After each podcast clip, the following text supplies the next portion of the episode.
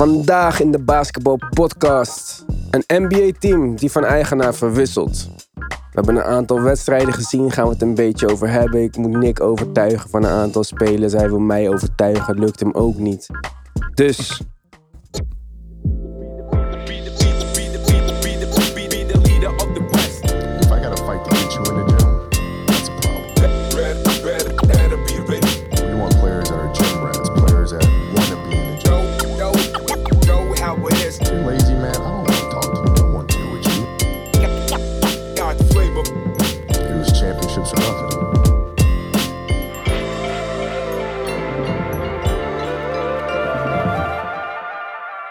Ja, welkom bij een nieuwe aflevering van de Basketball Podcast. We hebben een hoop te bespreken vandaag. Allereerst de Basketball Podcast mede mogelijk gemaakt. Natuurlijk door Tim Hartog, samen met Kasic, Anoniem, Sjoerd en Jesse Ryans.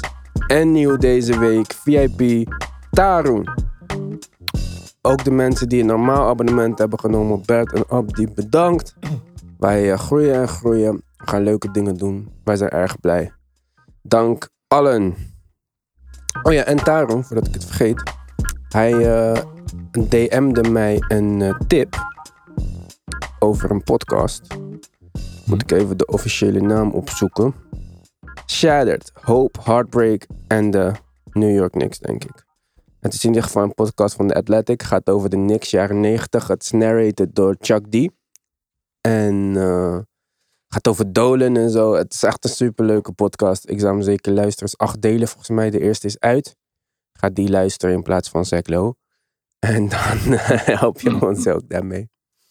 En ik, eh, ik heb jullie geappt in de groep eh, app. Tenminste jullie, jou Nick. Want Mark ehm, heeft een accu die eh, offline was. Maar ehm, ik zat van de week de Knicks te kijken. Ik, eh, ik word steeds meer fan van de Knicks. Ik, ik kom weer een beetje terug bij de Knicks. Dat hebben jullie ook wel gemerkt, denk ik. Het is toch als een soort van je eerste liefde, weet je wel. Ik, ik was met haar. Ze begon een beetje te vervelen. Toen zag ik een nieuw shiny iets. Net als een vrouw met grote borsten. Ging ik even met de Sixers. Maar toen kwam ik mijn ex weer tegen. Weet je? Net alsof je je ex tegenkomt. Of ja, je ziet Anna, ze is een beetje minder. Ze kraaienpootjes, wat ouder geworden. Maar je praat met haar, je voelt die vibe weer. Er is toch een connectie die je niet echt hebt met die nieuwe. En die, die borsten zijn ook niet meer leuk. Die heb je ook wel gezien ondertussen. Dus ik, ik voel weer iets opkomen tussen mij en de New York Knicks.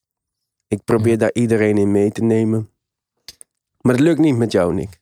Nee, nee, nee. Ja, ik merkte het al. eh, Want in het begin, ja, ik weet, jij kent sowieso meer eh, spelers. Weet je, ik focus me meer op de belangrijkste spelers. Jij weet meer de, de minder goede spelers. En je, had het al in het begin gezegd dat de Knicks een, leuk team hadden. En ik wou je daar echt ook in geloven. En ik zeg niet dat het. Ja, nee, ik zeg wel dat het niet zo is. Maar ik, ik, ik zie het gewoon niet. Ik heb het echt geprobeerd. Ik dacht, oké, eh, de resultaten zijn er ook wel een beetje naar nu. Maar ik heb, je hebt het vorige keer aangeraden. Ik, ik vind ze niet leuk om te kijken gewoon. Dat, dat is het vooral. Ik, ik, nee, ik merk gewoon dat ik niet focus erbij hou. Ik, eh, ik word nergens warm van. Van geen enkele speler word ik warm van. Er is niemand die iets Maar het is het speciaals brengt. collectief. Ja, het is het collectief, maar ik wil ook nog steeds graag iets, iets opmerkelijks zien. Iets, iets wat een andere speler niet kan. En dat, dat, dat zie ik bij geen enkel van de Knicks-spelers. Bij niemand. En dan, dan heb je veel slechtere teams. Eh, want die, die, diezelfde nacht waren er ook, ja, was het ook de, de Warriors tegen de, de Washington Wizards. En het zijn misschien minder goede teams, de Wizards en zo. Maar en zelfs de Timberwolves vind ik leuker om te kijken nu. Zeker met Cat en eh, Anthony Edwards en, en D'Lo er terug bij. Ja, bij de Knicks, ik weet niet waarom ik kijk. Als je die voorliefde voor de Knicks niet hebt. Maar ik had ook geen liefde meer voor de Knicks. We zijn uit elkaar. Ja, maar je merkt toch wel dat het niet zoveel nodig had om je terug naar dat speciale plekje in je hart, eh, om, om je daar te raken, zeg maar. Je, je- Omdat ze mooi basketbal hebt, die- spelen. Ja, Ze maar er zijn knokken heel met veel teams die... Ze trappen heel in de veel- vierde kwart. Ja, maar die winnen Ja, maar, en ze staan achtste in het oosten. Ik bedoel, er zijn betere teams dan de Knicks. Het is niet dat, dat, Sowieso, dat zij... die kijk ik ook. Ja, en ik, ik heb ook nog altijd geen enkel... Geen enkele hoop dat ze, buiten, dat ze uit de eerste ronde gaan geraken. En dan denk ik ook van, ja, oké, maar als, als dat zelfs niet met mijn fantasie mogelijk is... Maar wat is jouw Dan- fantasie over de Timberwolves dan? Nee, Dat, de fantasie eh, gewoon. dat- nee, nee, ze eh, hebben, nee, nee, ze hebben gewoon spelers die ik leuker vind om te kijken. Zij hebben, ze zijn zwaar aan het tanken dit seizoen. Sowieso. En dat doen ze heel goed. Supergoed. Doen ze al Eh, twintig jaar. Ja, dat doen ze al twintig jaar. Maar ja, we gaan het er zo meteen nog verder over hebben. Over de eigenaars en zo. Dus er is misschien nog wel ergens een beetje hoop. Maar ik vind gewoon dat zij leuke, leuke spelers hebben om, om naar te kijken, om het zo te zeggen. Hm. En ik zeg niet dat, eh dat de Timberwolves binnen twee jaar beter gaan zijn dan de Knicks. Maar ik bedoel gewoon even rustig aan met de Knicks. Als je twee, twee jaar op rij de playoffs kan halen, dan mag je een beetje beginnen dromen. Maar nu is het daar nog ietsje te vroeg voor, in mijn ogen. Ja, maar het is maar- niet dromen. Ik kijk het basketbal. Ik vind basketbal mooi. Ik, Ja. Die, die Tirlantijnen en primadonna diva's die drie punten schieten vanaf de logo's. Dat vind ik niet mooi.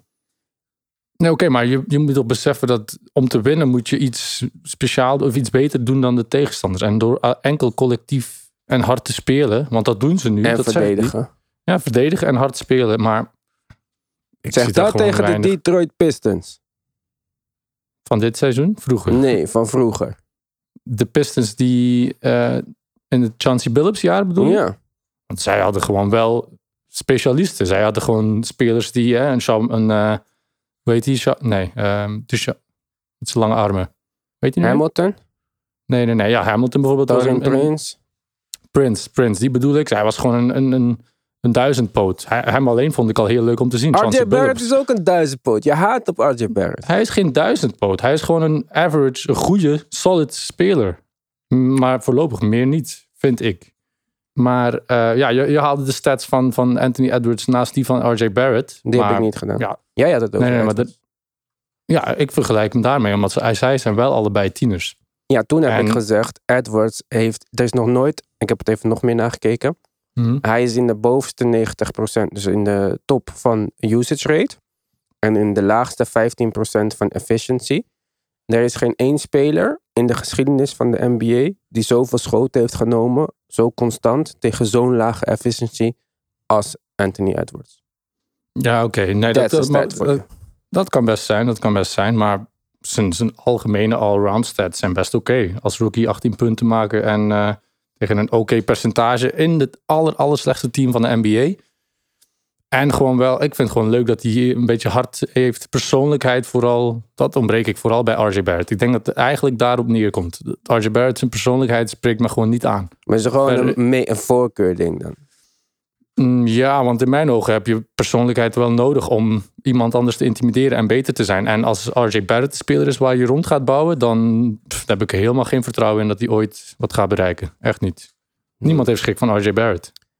Dat eh, En, denk jij. en als er een betere speler naast hem staat, kan hij perfect een, een supergoeie tweede of derde speler zijn. Maar En Randall dit- vind je ook niet goed of bijzonder. Randall vind ik niet, en zeker niet zij be- beide in hetzelfde team. Randall is ook iemand die als derde, vierde speler heel, heel leuk kan zijn. Maar om hen als twee dragende spelers, nee, dat- daar kan ik gewoon geen, daar kan ik niet naar kijken. Sorry. Mm, ja, goed. Ik, eh, dus, ja. Geschiedenis leert dat ik meestal gelijk krijg als het gaat over buyouts of Aaron Gordon of wat dan ook. Dus Ja, ik je geef zei het ook nog een jaar. Oké, maar je zei ook dat Joel Embiid geen winning basketbal kon spelen. En dat eh, toont hij nu wel. eh Wanneer heb ik dat nou was gezegd? ik klaar. Dat heb je gezegd in een uitzending. Ik, Zeker weten? Ja, 100%, 100%. Want toen dacht ik ook van, hmm, dit gaat hem nog eh, terugkomen te Daar pakken. moet En- je even opzoeken dan voor mij. Ja, wil ik... Oké, ja, nee, ik Ja. ben wel zeker... dat- Oké, ja. In welke context heb ik dat dan gezegd? Nou, het was in de periode van de, van de tekenfilm kijken, de hamburger etende en daar nog ietsje na. Zei je van, nou, Joel Embiid gaat never, never nooit winning basketbal spelen. Maar winning basketbal spelen of hij wordt geen winnaar? Dat is een groot verschil. Winning basketbal spelen. En dat heeft hij altijd al gedaan. Nou, mag je even opzoeken. Zeker, zeker. Het wordt Yes. heel lastig. Succes daar. Ja, dat wordt heel lastig. Dit was het NBA-nieuws van deze week. Ja, toch. De ehm, Timberwolves hadden we het al eventjes over. Misschien kan jij eh, solliciteren voor rol van nieuwe GM. Gaat de hoop veranderen daar. Alex Rodriguez raakt J-Lo kwijt, maar krijgt er Timberwolves bij. Samen met een van zijn eh, miljardair vrienden, neem ik aan. Ik neem aan dat Alex Rodriguez gewoon een beetje de, ja, het, het mooie gezicht is van dit project. Ja. Maar hij zal niet zoveel te zeggen krijgen in real life. En het is natuurlijk goed goed om een minority eh, erbij te betrekken. Staat allemaal wat leuker. Uiteindelijk verwisselen we gewoon De ene blanke miljonair voor de andere. Niks mis met blanke mensen, zijn wij ook. Maar daar was wel het een en ander kritiek op. Dat er weer de zoveelste blanke eigenaar kwam. Goed, ik weet niet wie anders de Timberwolves wil kopen. Het is niet echt dat je zegt de hotspot Minnesota. Maar eh, binnen nu en twee jaar gaan ze dan veranderen. Of ze gaan al eerder veranderen van eigenaar. Maar binnen nu en twee jaar wordt ook het bestuur overgenomen van de oude eigenaar Glenn Taylor. Ja, denk je dat dit iets gaat veranderen voor de Timberwolves? Ja, ik, het kan bijna niet anders dan.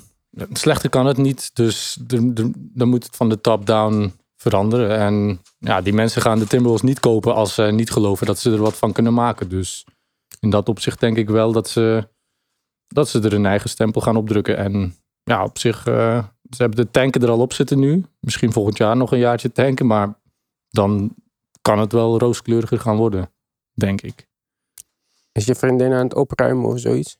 Ja.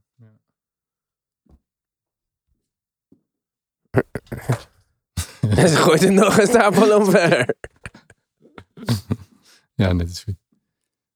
Ja, ik weet het niet of een, alleen een nieuwe eigenaar eh, genoeg is. Ze hebben natuurlijk dit jaar al een nieuwe coach. Wie weet dat dat eh, wat uitmaakt. Maar ehm, ja, wat ze ook doen. Ze hadden Kevin Love, ze hadden Kevin Garnett en Sam Cassell en Spreewell. En elke keer maar weer. Ze hebben nu ook eh, drie top twee picks in hun starting line-up. Ik weet niet eh, wat er moet gebeuren met de Timberwolves. Misschien eh, moeten ze gewoon lekker verhuizen naar Seattle of zo. Misschien gaat Naar het ook wel gebeuren. Ja, naar het oosten. Daar, dat was ik net aan het denken. Ze zitten in het westen en daar hebben, ze, daar hebben ze het zo moeilijk om gewoon het hoofd boven water te houden. Ik denk, als zij gewoon naar het oosten verhuizen, dat zou het slimste kunnen zijn wat ze doen.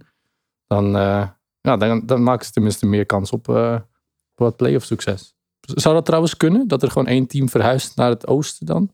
Mm, Lijkt me niet echt eh, niet logisch. echt, eh. nee. Maar- Maar het maakt ook niet zoveel uit. Want er zijn ook teams uit het Midwesten en zo. Is dat dan het oosten? Nee, niet echt. Hmm. Dus ehm, we gaan het zien. Maar ehm, ja, ik weet het niet. Ik heb echt eh, niet veel vertrouwen in de Timberwolves. Ze hebben nog nooit iets laten zien waarvan ik dacht...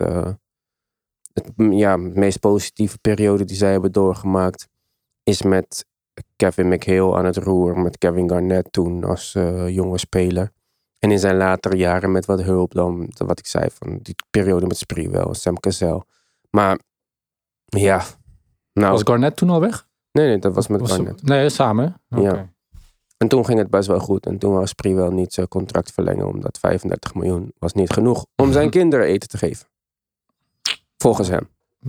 Inflatie, is- hij zag het komen.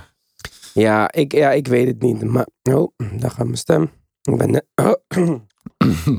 ik ben net wakker, want mijn buren hebben besloten dat het een goede dag is om een feestje te geven. Als mijn buren dit luisteren, ik waardeer jullie niet. en we hebben trouwens reviews, die ben ik helemaal vergeten. En een van die reviews, laat me dat eventjes mooier aankondigen. Er is een vraag van een luisteraar. We hebben sowieso een review van eh, Stan WB. Maar eh, Floris vraagt: Kunnen jullie de protected draft picks uitleggen? Ja, dat zeggen wij vaak natuurlijk. En misschien is dat een beetje ingewikkeld. Maar eh, protection betekent gewoon een, ehm, een soort van verzekering die je op iets kan doen wat je wegruilt. Dus zeg, stel je voor, ik trade een pick naar Nick. Dan zeg ik, oké, hij is 1 tot 5 protected. Dat betekent dat als mijn pick 1, 2, 3, 4 of 5 wordt, dat hij niet naar Nick gaat. Dan kunnen we daar weer een andere afspraak aan maken, aan hangen. En zeggen van, dan gaat hij door naar volgend jaar. En volgend jaar weer dezelfde, 1 tot en met 5. Of volgend jaar mag hij 1 tot en met 3 zijn. Je mag eigenlijk doen wat je wil. Je kan ook zeggen dat hij na drie jaar naar twee second round picks wordt geconverteerd. En dat is een protected pick. Het is gewoon een, een, ja, een ingebouwde zekerheid voor het team die hem wegtreedt. Dat ze niet een top asset weg gaan treden, zeg maar. Ja. Hm. Ik weet niet of ik het zo duidelijk heb uitgelegd. Ja, ja, ja, want het komt nog best vaak voor, toch? Nu wordt er zich- bijna geen picks meer getraind zonder protectie. Ja, ik vind het best, best ja, bijzonder dat, eh, dat het zeg maar kan. Ik denk als je hem trade, dan neem je het risico dat het ook een supergoeie pick is. Maar eh, Ja, maar dat is Ja. gekomen allemaal door de oorspronkelijke Brooklyn Nets Celtics trade. Met Paul Pierce en Kevin Garnett. Als zij die picks gewoon hadden protected, 1 tot en met 10 of zo, dan was het niet zo desastreus geweest. Maar omdat ze dat niet hebben gedaan en sinds die tijd protect iedereen ze. Dus zelfs gewoon een heel goed team die een pick wegtreedt, die protect hem 1 tot en met 3. Voor het geval dat er iets gebeurt. mhm, ja, want een lottery team kan altijd... eh, Ja. de, de lagere teams maken nog steeds kans op... eh, Ja, en die lottery team die die pick wegtreedt, die treedt hem juist omdat dat hun meest valuable ding is. Dus dan is het oké, zeg maar. Er zijn ook picks die 15 tot en met 30 protected zijn. Zodat je garandeert aan het tegenovergestelde team dat ze een lottery pick krijgen. Als ze... Maar ja, het is, eh, het is gewoon een beetje gokken met een verzekering. In plaats van gewoon iets wegtreden wat mogelijk je hele toekomst kan kosten. Dus ik hoop dat deze vraag eh, zo eh, goed beantwoord is. Waar gaan we het over hebben, Nick? Ehm, ja, Enes Kanter die, zijn, die geschiedenis schrijft is niet zo heel bijzonder. Ik weet niet dat ik. hij geschiedenis heeft geschreven. Wat heeft hij gedaan? Gok, doe maar een gok. Ehm, Op het basketbalterrein, hè? dus geen, weer niet, niks politieks of zo. ja, dat eh. was eigenlijk waar ik als eerste heen ging. Ja, hij heeft, ja, hij heeft een ehm, bijzondere Statline of zo. ja, een statline in de Blazers geschiedenis. 0 punten, 15 rebounds. Nee. Eh, Ehm, ja, wat is zijn beste skill? Inderdaad, rebounden. Dus hij heeft een heel hoog aantal rebounds gehaald. Eh je mag nog één keertje gokken hoeveel dat er waren. 25. Nee, nog meer. 30 heeft hij eh, Wauw, dat vind ik best wel veel. Ja, ja, ja, en daarbij ook nog 20 punten. Dus het is niet zo dat hij enkel dat gedaan heeft. Dat dus, zijn eh, Shaq-like numbers. Ja, ja inderdaad, inderdaad. Ik heb de highlights ervan niet gezien. Ehm, maar 30 is wel best, best indrukwekkend te noemen, vind ik wel. Ja, ik, Ja. Ik had het niet eh, zien aankomen, nee. Ik vind de Blazers niet super leuk om te kijken. Dus ik kijk ze ook niet Mhm. zo vaak. Kijk ze wel af en toe om een beetje te kijken wat de stand van zaken is. Ik heb ze gekeken toen Norman Powell er voor het eerst bij was. Ik vind dat die trade overigens best wel goed heb uitgepakt. Want Gary Trent Jr. is een soort van Kyle Lowry mentality light bij de Raptors aan het worden. Die eh, komt voor zijn teamgenoten op en zo. Ik denk dat ze dat wel nodig hebben. Ook als Lowry zou besluiten om weg te gaan aan het eind van dit seizoen. Dus eh, ik heb ze eventjes gekeken. Ik denk nog steeds dat ze tekort komen op de posities waar je het meeste druk van krijgt in het westen, de wings. Hebben zij dan wel eh, Powell en Covington, maar dat is gewoon niet genoeg om Kawhi, Paul George, AD, LeBron en dergelijke te stoppen. Naar mijn mening. Dus ehm, ja, Ja, ja nee, ik snap het helemaal. Ik vind het altijd wel leuk om, ja, zijn gewoon, ze- brengen wel aanvallend basketbal. En dat, is al, dat heeft altijd wel zekere entertainmentwaarde, maar Ja, Ja. ik vind ook hun, ik vind hun offensieve strategie ook niet zo interessant. Het is toch een beetje om's de beurt. En Damian Lillard Ja. is een specialist in wat hij doet. En CJ is een eh, hele goede één op één scorer. Maar ehm, ja, ja. Ja, het is niet het is verrassend. altijd, Ik denk dat het ook niet, eh, niet gaat werken uiteindelijk. Ja, ja. Denk je dat ze die zesde plek nog kunnen vasthouden? Want ik vind het best bijzonder dat ze toch eh, Ja. daar al bijna het hele seizoen staan. Ik vind dat wel, nou ja, eh, ze hebben meer spelers dan vorig jaar. Volgens mij stonden ze vorig jaar hoger. ja, ook waar. Ja. Dus ze hebben alleen maar meer spelers erbij gekregen. En als Nurkic fit blijft met Covington, Powell, Mello is denk ik naar mijn mening nummer 2 in de Six Man of the Year ranking. Dus ehm, Achter wie? achter Jordan Clarkson. Hm, Oké, ja. Ik zou, als het aan mijn twee? persoonlijkheid lag, zou ik Mello kiezen. Maar eh, ik denk dat Jordan ja. Clarkson wel echt een beter seizoen heeft. Ja, sowieso. Ik denk dat het voor- ja, undisputed eh, Six Man of the Year kandidaat is, inderdaad. Ja, en gewoon omdat ze natuurlijk nummer 1 staan in het Westen. En ze waarschijnlijk. Ja, ik denk dat ze heel veel prijzen gaan krijgen. Ik denk dat ze sowieso Defensive Player of the Year gaan krijgen. En eh, ik denk dat ze Six Man Mm. of the Year gaan. Denk je niet? Ik denk echt Nee, dat. dat denk ik. Ik denk echt, eh, nee, dat denk ik echt niet. Je denkt niet dat eh, Rudy Gobert Defensive Player of the Year wordt? Ik- ja, dat is misschien een ja, persoonlijke inbreng of zo. Maar hoe zeg je dat? Persoonlijke voorkeur. Maar ik, ik zie dat gewoon echt, echt niet gebeuren. Hij heeft hem al twee keer gewonnen, toch? Mhm. En ik bedoel, ja, nee. Ja, het is al gek genoeg dat hij twee keer gewonnen heeft. Dus het kan best. Maar ik denk dat, eh, dat ze blij mogen zijn met de record. En Sixth Man of the Year, weet ik veel. Misschien nog Coach of the Year. Maakt mij helemaal niet uit. Maar Defensive Player of the Year. Daar gaan ze echt hun imago eh, beschadigen, denk ik. Ik denk dat eh, Gobert Defensive Player of the Year wordt. Ja, geef hem die tweede plek. Maar ja, zou denk- voor mij niet mogen. Maar Ja, ik denk het toch echt. ik Ja. zou graag eh, Ben Simmons zien. Maar wie is dan, eh, wie is jouw concurrentie nog meer voor die plek dan? Ja, Ben Simmons, die verdient hem gewoon. Die heeft hem nog niet gehad. Je moet toch altijd een beetje kijken naar storyline. Zij staan ook eerstes in het oosten. Nee. Ja, jawel, terug. Ja? De Sixers staan eh, weer gelijk. Exact gelijk met de Nets. Dus, ik bedoel, ja, all eyes on him zijn. hij heeft ook al veel, Hij heeft wel slecht gespeeld de afgelopen anderhalve week. ook defensief. Of, kijk, Hij moest tegen Zion spelen. Dat kan niet echt. ja, eh, die was... eh, ja. Maar hij heeft niet super goed gespeeld, nee. Ook niet verdedigend. Ex- niet dat hij slecht was of zo, dat hij niet zijn best deed, maar ik vond hem Ja. niet echt eh, zo bijzonder. Hmm. Ja, maar toch, ehm, ik, ik zou er eh, geld op durven zetten. Maar jij zou nooit Hoeveel? geld zetten op Rudy Gobert, denk ja, ik. wel, eh, want ik denk dat hij gaat winnen. en Geld is Ja? geld. 25 euro. Dan heb ik die... eh, 25 25. euro? Zat Ja. jij op dat Ben Simmons wint of iemand anders dan Rudy Gobert? nou, dus zal maar Ben Simmons kiezen dan. Dat is wel eh, risky, maar het moet toch een beetje leuk blijven. Ja, goed. En als ik win, dan heb ik... eh, ja, zei je ja? Ja hoor. Ik denk dat Oké. Gobert gaat winnen. Oké, nu wordt het extra spannend. Ja, want ik wil Maar, dat Ben Simmons wint, maar Ja, Dan en als hij niet wint, dan... heb ik een soort, heb ik een protected tegen mijn teleurstelling, want dan krijg ik 25 euro. Oké, slim, slim. Ja, ja, goed ingedekt. En Six Man, denk je Jordan Clarkson of niet?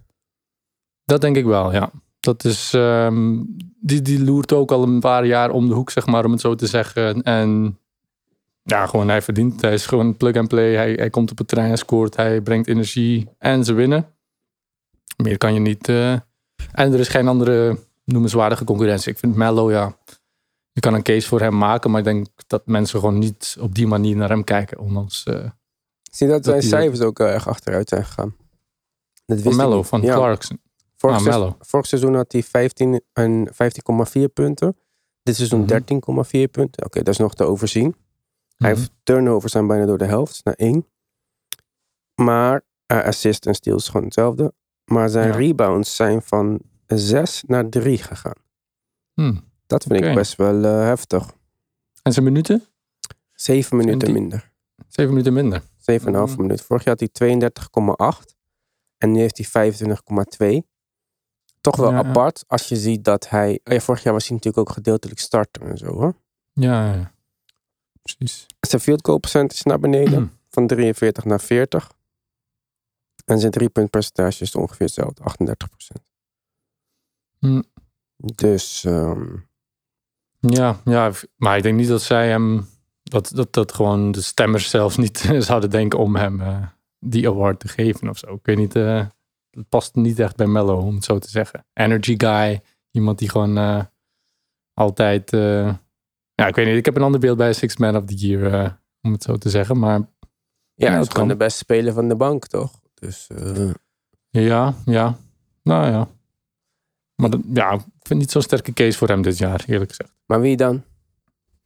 Ja, Jordan Clarkson. Er is geen enkele betere case die je kan maken. Wie heb je bij... Ja, bij de Nets komen er wel een paar goede spelers van de bank, maar die, die case kan je zeker niet maken. Ehm, Laten we even over de Nets praten. ja, Want eh, ik eh, ben echt benieuwd wat Aldridge en Blake Griffin voor medicijn hebben gekregen. Zij Ja, zijn gewoon ja. vijf jaar jonger geworden.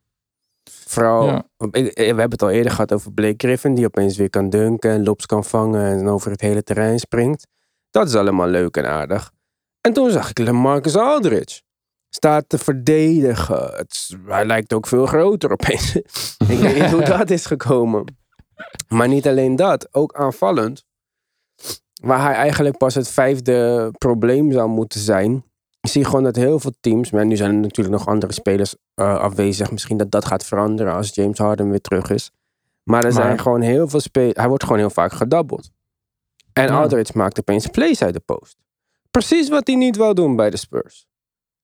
Ja, maar ja. Dus dit is echt een mentale switch die hij heeft gemaakt. Van ja, nu speel ik wel in dienst van het team. En jarenlang wou ik gewoon nog mijn eigen ding doen. Terwijl zelfs zijn moeder moet hebben gesnapt dat dat niet ging leiden ooit tot eh, winning basketball.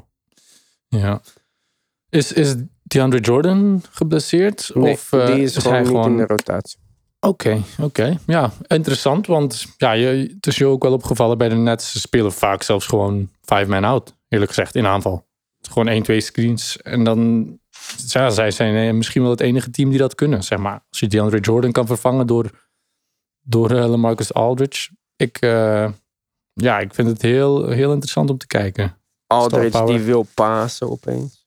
Ja, ja, ja. Ja, er is ook zoveel meer ruimte om, weet je, de bal gaat zo makkelijk rond.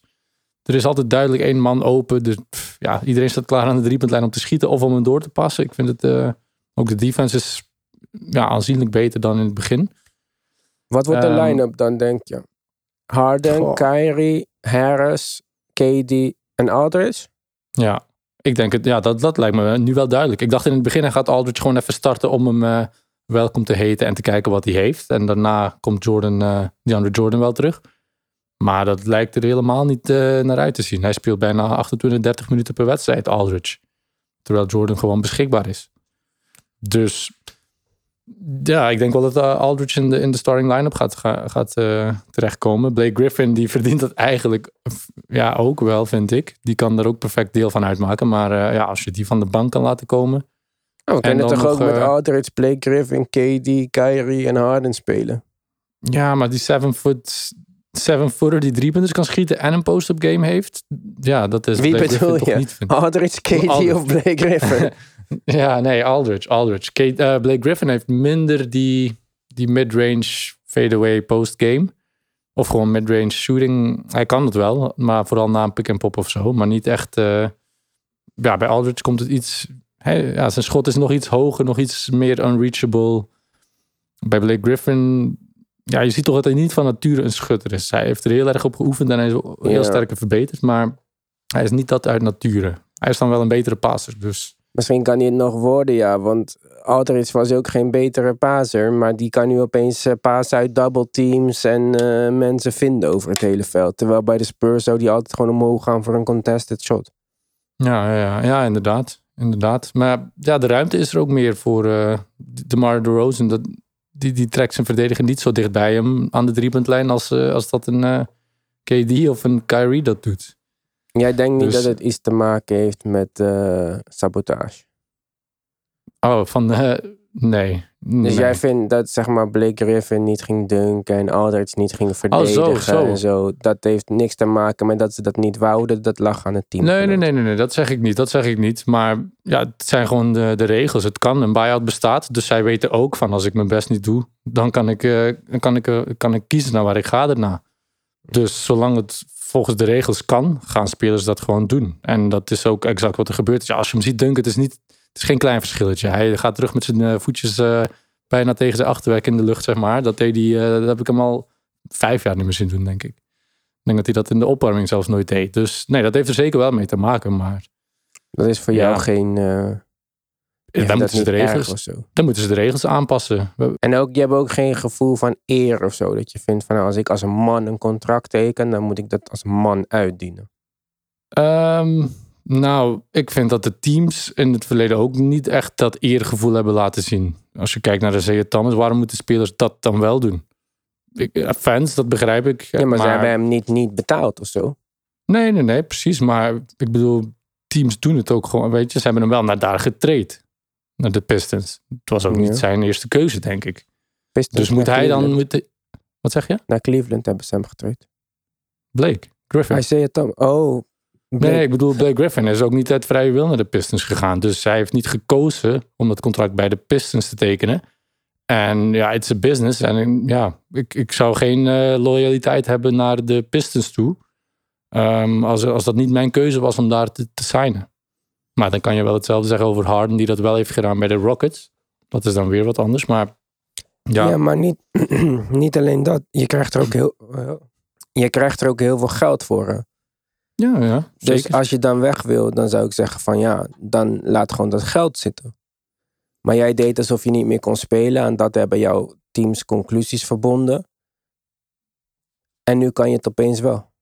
Goed, we hebben een injury van Patrick Beverly. Daar moet jij blij mee zijn, denk ik. Want dat betekent dat jouw eh, grote vriend eh, Rondo meer speeltijd krijgt. Hij was erg goed van de week. Maar goed, Mhm. de Clippers hebben al het hele jaar eh, hier en daar wat problemen met injury gehad. Paul George zou spelen met een teen injury. Die ook te pas en te onpas naar boven komt. Want soms speelt hij gewoon heel goed en soms niet. Misschien, dat kan allemaal, dat weet ik niet. Ik heb geen teen injury. Maar ehm, ik zat naar de Clippers te kijken. En Rondo was heel goed. Ik vond Kawhi verrassend goed. Afgelopen week eh, leek wat eh, frisser en zo. En Ibaka speelt niet, oké. Maar toch heb ik mijn twijfels bij de Clippers. Ik zie niet, Mhm. ja, ik weet het niet. Of het ligt aan mij, maar ik weet niet of dit genoeg is om te winnen. Alles te winnen. Ja.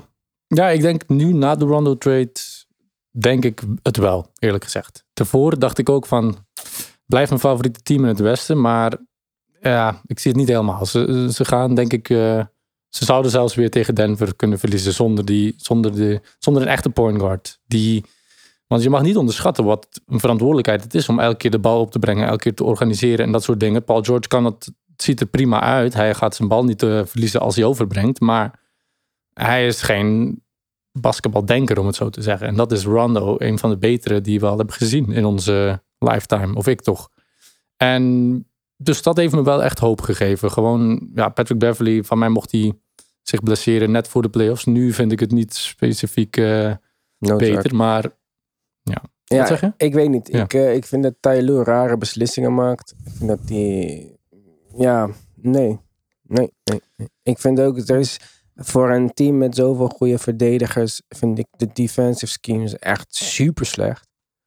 Het is echt helemaal geen, en ook eh, geen scheme eigenlijk. En ook in de offense, ja, wat is het plan dan? Het is gewoon of PG, of eh, Morris, of Kawhi, maar en er, ik zie niet echt een oplossing voor als een tegenstander met een verdedigend plan komt of zo. Dat je zegt, oh, nou, dan gaan we nu dit doen. Nee. Spelen gewoon Ja. ons de beurt. Ja, dat hebben ze nog steeds wel. eh, en dat, ja, Paul George, Kawhi en Morris zijn drie wings die graag, eh, die altijd een, een schot kunnen creëren voor zichzelf en zo. Maar ja, geef het nog een beetje tijd. Ik denk dat de Rondo effect, dat hij zijn ideeën, dat hij niet van dag één gewoon naar buiten kan brengen. Van jongens, dit en dit en dit moeten jullie doen. Ik denk dat hij eerst moet laten zien op het terrein dat ze beter zijn met hem.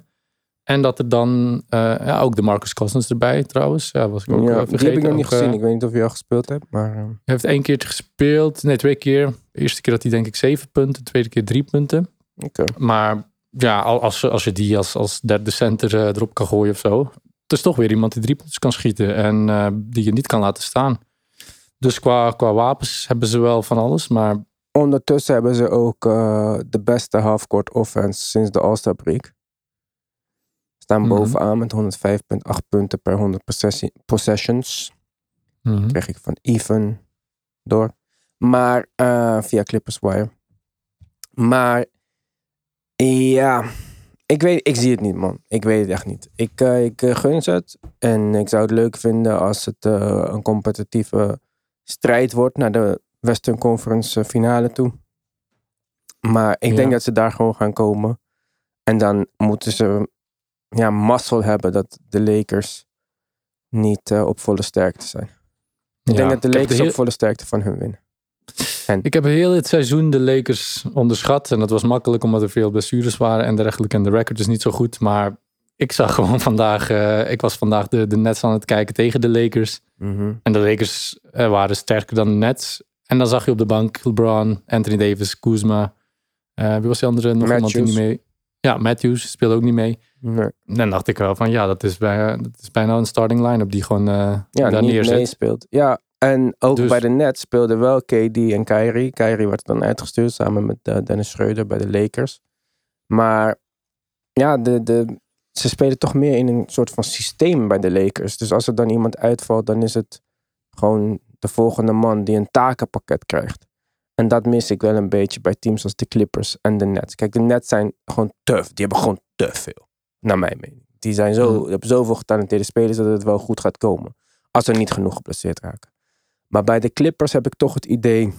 Als bijvoorbeeld bij de Clippers Kawhi niet zou spelen. Als Kawhi geblesseerd raakt, weet ik niet of ze door de eerste ronde komen. Mm, Nou, ja, nee, dat ben, die, mening, die mening deel ik wel eh, helemaal niet. Ik denk dat ze of een Kawhi of een Paul George zelfs best zouden kunnen missen nu. En toch nog één of ja, nog zeker uit de eerste ronde geraken. Ja, dus jij denkt in een eerste ronde serie. Zonder Kawhi Mhm. Leonard, gewoon de hele serie. Dat ze wel eh, gewoon kunnen winnen. Ja, ja, dat denk ik wel. Tegen, tegen wie zou dat nu zijn? Dat zou nu zijn tegen de Blazers. PG tegen ja, Dame. denk ik wel. Ja, denk ik wel. Nou, Ik denk het niet. PG tegen Dame, als je het zo zegt. eh. ja, ik denk het echt maar en Rondo, vergeet Rondo niet hè, in de playoffs. niet. Ja, maar Die, eh, ik denk gewoon dat dat niet een goede genoeg is. geschiedenis En. Ty Lue is gewoon, voor mij- naar mijn mening, geen goede coach. En als ze een beetje pech hebben, dan zakken de Lakers naar de zesde plek. Dan moeten Ja, ze nee, tegen nee, de Lakers in de ander eerste ronde. Ja, dus dat, De, hun eerste ronde wordt dan Blazers of Lakers. Of misschien zou de, de, de Nuggets zakken. Kijk, tegen de Mavericks en de Grizzlies redden ze het zeker. Maar ik zou niet zeggen dat zij zomaar... Zo, en zonder, trouwens, wat zeg ik? Zonder Kawhi gaan zij echt niet langs de Nuggets en de Lakers komen. En nee, laten we Blazers Nuggets en de Knicks twijfel ik. Nee. Blazers denk ik wel. Ik denk dat, de Blazers, dat, dat de, de verdedigers bij de Clippers gemiddeld eh, groter zijn. En kunnen alles switchen. Die kunnen wel echt een scheme uitwerken tegen, eh, tegen de, de voorspelbare offense van, van, eh, van de Blazers. Maar tegen de Nuggets, ik denk dat zij nog de beste trade offseason erop hebben zitten. Want als je kijkt naar hen, met Aaron Gordon erbij, dat was echt gewoon eh, de missing piece. Qua persoonlijkheid, qua skillset, qua alles. Dus zelfs dit seizoen, als ze tegen de Nuggets uitkomen, ben ik niet gerust dat ze er makkelijk doorkomen, de Clippers. Maar Goed. Van de week zijn we weer met eh, Clubhouse. En met Petje Af natuurlijk. Als je de tijd, kans en mogelijkheid ziet om een Petje Af abonnement te nemen, doe dat dan snel. Zo steun je ons. Wij pompen dat weer terug in deze podcast. Wij rijden geen dikke auto's ervan of zo. in tegenstelling zelfs. Onze auto's vallen uit elkaar en daarom is Mark niet eh, bij deze podcast. Dus ehm, dan zou je ons enorm helpen. Sowieso bedankt naar iedereen die dat al heeft gedaan. Wij vergeten dat niet. Goed, tot de volgende keer. yo.